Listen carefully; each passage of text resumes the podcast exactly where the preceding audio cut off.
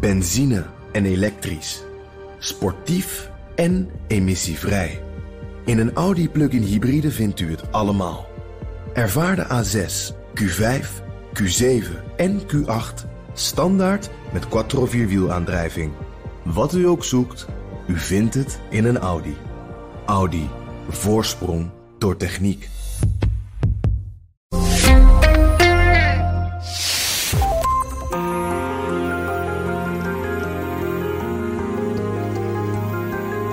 Luistert naar De Stratege, een podcast van BNR in samenwerking met het Den Haag Centrum voor Strategische Studies. Mijn naam is Paul van Liemt. Experts zijn het erover eens. Gasboringen op de Noordzee zijn van belang om onze energiebehoeften te kunnen waarborgen, maar ook om bij te dragen aan de energietransitie.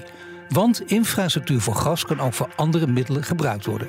Dat besprak ik vorige week met Jilles van der Beukel, energie-expert van het Den Haag Centrum voor Strategische Studies, en Lex de Groot, directeur van Neptune Energy in Nederland, gasproducent. Kijk, ik kan me voorstellen dat mensen denken van uh, wij moeten van olie en gas af, dus laten we ook van olie en gasproductie afgaan. Uh, het probleem is uh, van wij produceren al heel weinig vergeleken met, met onze vraag.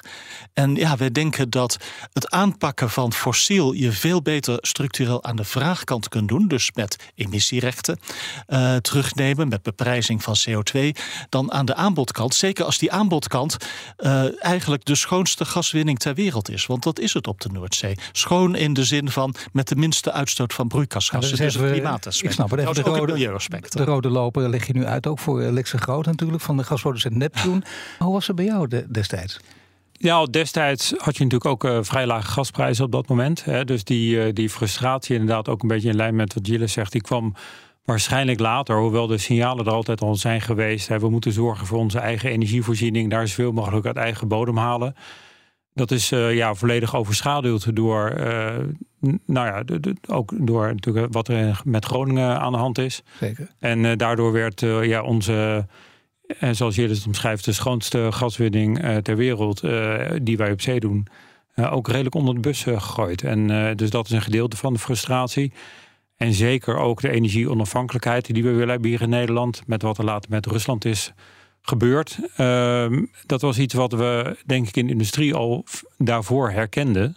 En ja, er is eigenlijk niks frustrerender, ben ik achtergekomen, dat een scenario wat je bedenkt, dat het ook echt uitkomt. En Jillis van der Beukel en Lex de Groot zijn opnieuw te gast, want we gaan luisteraarsvragen beantwoorden. En wij hebben een, uh, een aantal vaste luisteraars. Eén daarvan heeft een geweldige naam, namelijk Handige Harry. En die wil dit weten. In Groningen was het gasveld op een waakvlam voor als de nood plotseling hoog werd. Nou, dat weten we nog. Is zo'n waakvlam op zee ook mogelijk? Mochten we een energieprobleem deel 2 krijgen? De two powers, Jillis? Nee, ik denk niet dat dat een eh, realistische uh, optie uh, is.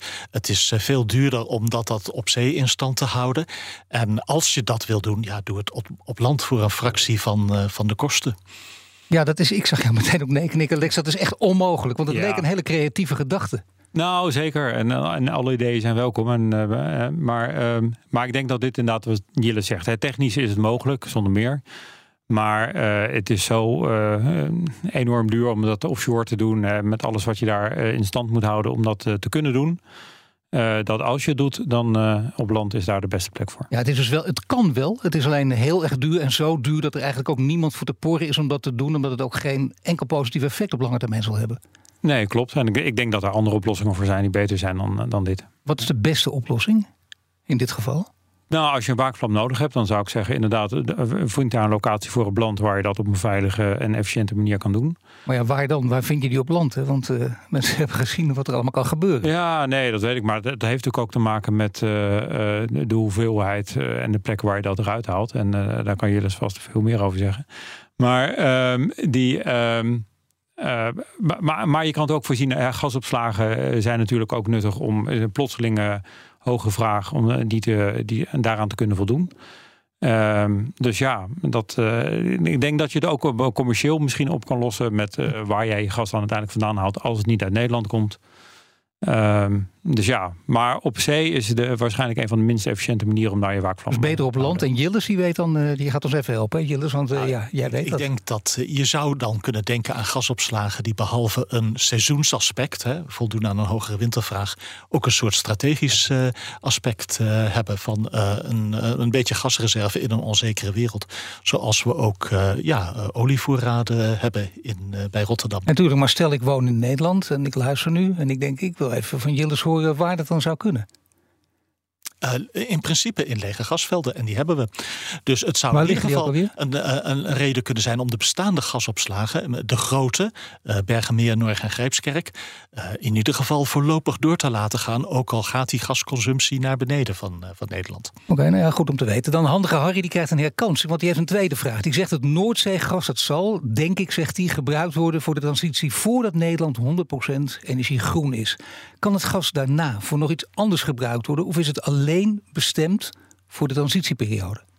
Wij produceren die, die veldjes uh, nou ja, uh, in het tempo dat die veldjes uh, toestaan. En die zijn op lang voordat het laatste gas verbruikt wordt. Kortom, de gasproductie ligt, is misschien een derde die orde van grootte van de gasconsumptie. En als we dat derde halen en die achteruitgang niet te snel laten gaan, dan zijn we al een heel eind.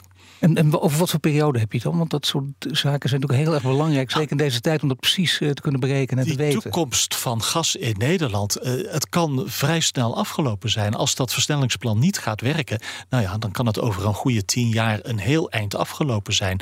Uh, laat je, komt het wel uh, aan de gang, nou ja, dan heb je een toekomst tot zeg 2040, 2045. Maar dat is sneller eigenlijk dan alle afspraken aardgasvrij in 2005. Ja, het versnellingsplan is ook eigenlijk een beetje een misleidende term. Het is ja. een uh, voorkomen van een al te snelle achteruitgang, meer dan een versnelling. Er komt echt geen toename meer van die productie. Het is meer de afname een beetje binnen de perken houden. Wat vind je dan? Zou je er iets aan moeten doen? Zou je die, die 2050 naar voren moeten halen? Of is het juist heel goed om dat te doen en dat je dan uiteindelijk kunt zeggen: Nou, dan hebben we toch eerder voor elkaar gekregen dan we dachten? Uh, ik, ik, denk dat voor alle realistische scenario's je met de productie ver onder de consumptie zit. En dat het ja, het beste is om die productie nog een beetje in stand te houden. Kwetsbaar zijn wij sowieso op fossiel gebied. Maar laten we die kwetsbaarheid dan liever ietsje kleiner maken. in plaats van het uit de hand te laten lopen. Zit je regelmatig aan tafel met mensen die daar dus radicaal, zoals het tegenwoordig vooral vaak genoemd wordt, over denken. En die, dit, die hier maar niet voor willen zijn? Wel, en dat gaat uh, bij de koffiemachine een stuk beter dan voor de microfoon. Kijk, maar dat is heel interessant. Dat betekent dus dat er wel degelijk openingen, want dan is dat is, uh, nou ja goed, dan doe je het voor de microfoon. Dat is heel interessant. Maar het is echt mooi om te horen dat het dus blijkbaar uh, de dogma's worden minder ja. als er koffie bij zit. ja, er is meer begrip voor elkaar. als je, nou ja, gewoon zeker als het één op één is, is makkelijker ook dan in grote groepen. eens met elkaar praten en dan niet vijf minuten, maar een uur.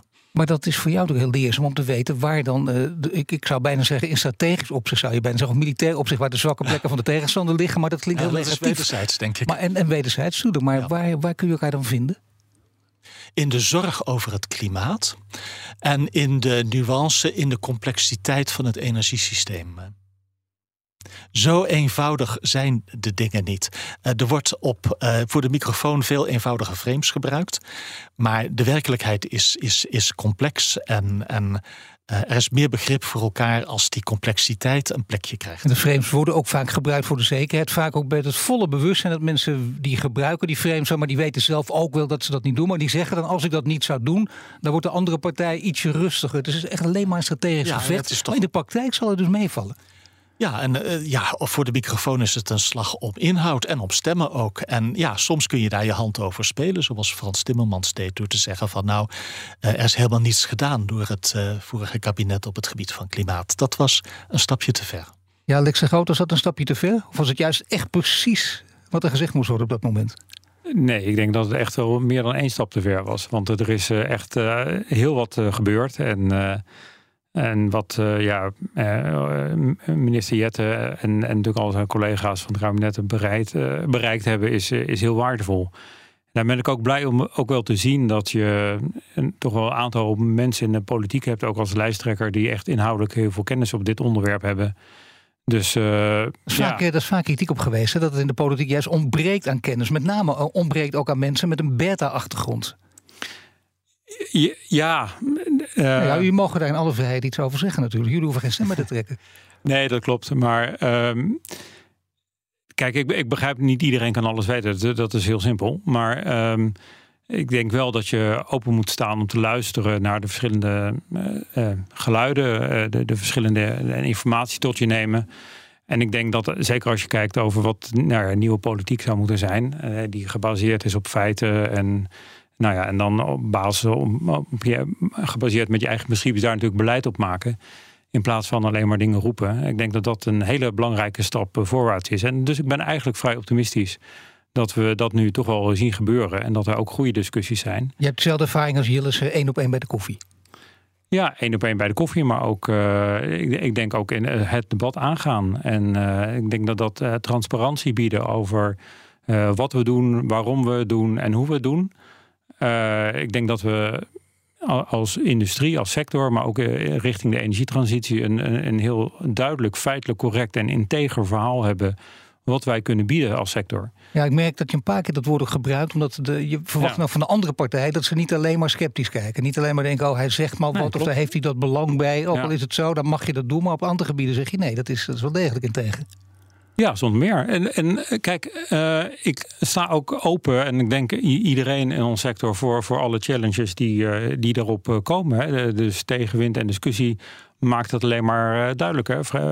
Dat, um, dus daar moeten we vooral mee doorgaan. Maar ja, dat moet ook al een tweerichtingsverkeer zijn. En, en ik denk dat als we willen bereiken dat, nou, twee dingen. Dus ten eerste dat we voor het klimaat het beste doen. En ten tweede dat we de energievoorziening zo betaalbaar mogelijk houden. Uh, dan hebben we elkaar allemaal heel hard nodig. Dan een vraag van Joachim. Hoe ver staat Nederland momenteel met de concrete uitbreiding van hervergassingscapaciteit voor de aanvoer van LNG? Is dit makkelijk wijzigbaar voor bijvoorbeeld waterstofaanvoer vanuit offshore windmolenparken? Ja, Jillis, dat is een moeilijke vraag, uh, zelfs voor jou. Hoor. Ja, nee, dit zijn wel verschillende dingen. Een LNG-aanlandterminal of een uh, waterstof. Hooguit kun je uh, soms dezelfde pijpleidingssystemen gebruiken. Ja. Uh, en, daar, wordt aan gewerkt om, uh, om, om dat te doen. Wat de uitbreiding van de LNG-importcapaciteit betreft, nou ja, die is met de Eemshaven heel behoorlijk op uh, orde. Zeker ook nu er zoveel Duitse importcapaciteit bij komt. Hè, want Eemshaven is voor een groot deel doorgeefluik aan Duitsland geweest. Overigens een heel zinvol doorgeefluik, daar niet van. nee, ik wou dit zeggen. Dat zinvolle doorgeefluik, dat vind jij ook. En bovendien makkelijk wijzigbaar voor waterstof aanvoer vanuit offshore windmolenparken? Of gaat dat te, te snel? Met de grote sprongen? Nee, helemaal niet. Ik denk, uh, de, de, oorspronkelijk hadden wij met uh, het H2 op C-project hadden we plannen om al uh, in 2030 groene waterstof te kunnen produceren. We hadden daarvoor een aanvraag gedaan voor subsidie bij het Nationaal Groeifonds. Hè, want die eerste stappen die kunnen niet zonder, zonder een financiële bijdrage. helaas heeft toen het Nationaal Groeifonds dat, dat afgewezen. Ik denk dat we te ver voorliepen op nou ja, op, de, nou, op het orkest, of hoe noem je dat? Um, en dat je op de muziek vooruit de muziek maar, dat, maar, dat, kan, maar dat kan natuurlijk. Dat zie je ook regelmatig gebeuren. Dat is toch pijnlijk. NL Groeit hoort daar is ertoe opgericht om daar juist uh, niet vatbaar te zijn. En om te begrijpen dat het, dat het heel goed is juist. Ja, nee, maar ik denk dat het concept niet genoeg geland was. Dat er ook te veel onduidelijkheid was wat wil. Eh, dat was een van de redenen om, uh, voor de afwijzing. Dat het niet duidelijk was wat Nederland, de Nederlandse overheid wilde. Precies met offshore waterstofproductie. Uh, dat is inmiddels wel duidelijk. En, uh, en, en dat, ik denk dat we nu in 2031 daar. Uh, misschien als de procedures hun gang op tijd volgen, dat we daar wel op CO groene water. Misschien handig ook om, nu we het toch over hebben, InvestNL en NL groeit en die partij gewoon bij elkaar te stoppen? Nou, ik denk dat daar heel veel mogelijkheden liggen om, om geld goed te investeren voor Nederland. Uiteindelijk zal Nederland een, nou ja, toch een grote hoeveelheid, of gebruikt op dit moment een grote hoeveelheid waterstof. Misschien dat het meer wordt. Uh, en daarvan kunnen we volgens uh, de studies die er zijn toch iets van 40, 50 procent vanuit Nederland zelf produceren. Hè. Dat ja. is meer bijvoorbeeld dan onze huidige gasproductie, uh, binnenlandse gasproductie. Enorm veel, enorme, ja. het is geen cliché, maar het is echt waar. Enorme kansen dus. Ja, daar liggen heel veel kansen. En ook om daarop voorop te lopen en wat het dan ook betekent voor onze offshore-industrie, voor onze kennisontwikkeling. Maar vooral natuurlijk voor het klimaat en onze eigen controle over uh, de energie die we gebruiken. Uh, om, om dat zoveel mogelijk in eigen hand te houden. Dan is er nog een vraag van, van Miska. Die heeft het volgende. Die gaat even terug, uh, kleine sprong de geschiedenis.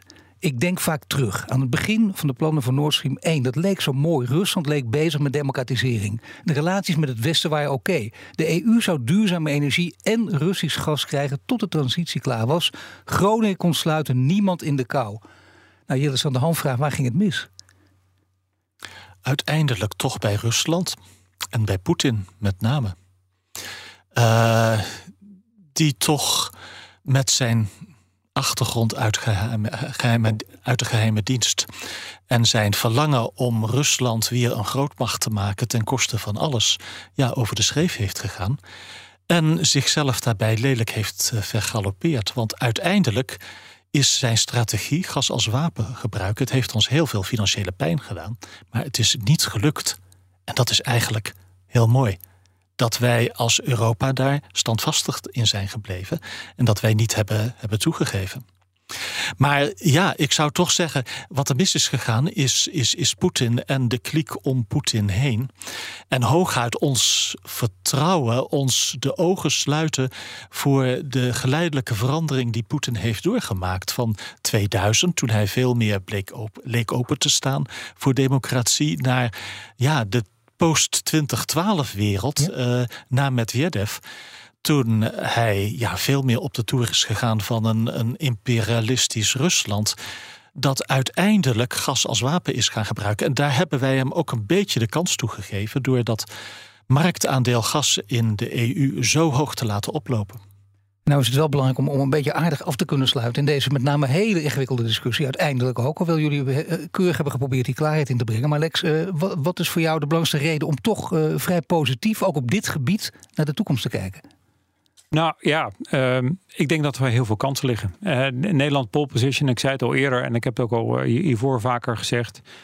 met de industrie die we hebben, de positie die Nederland heeft, de Noordzee voor de deur daar liggen echt kansen om, uh, om hele mooie dingen te doen om de CO2-uitstoot zo snel mogelijk uh, te verminderen hè, door middel van CCS. Om nieuwe technieken te ontwikkelen zoals groene waterstof. En dat alles bouwend op, uh, op de kennis en ervaring en, en, de assets die daar zijn.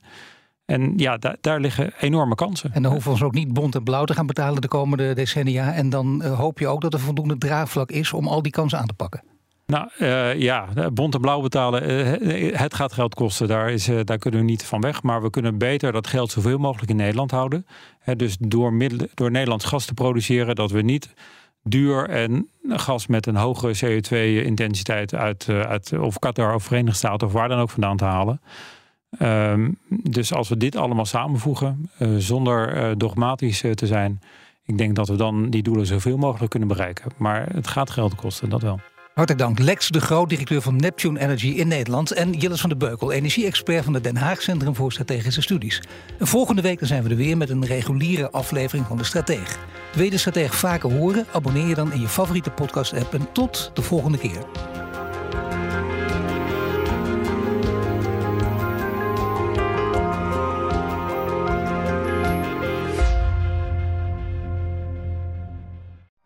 Benzine en elektrisch sportief en emissievrij. In een Audi plug-in hybride vindt u het allemaal. Ervaar de A6, Q5, Q7 en Q8 standaard met quattro vierwielaandrijving. Wat u ook zoekt, u vindt het in een Audi. Audi.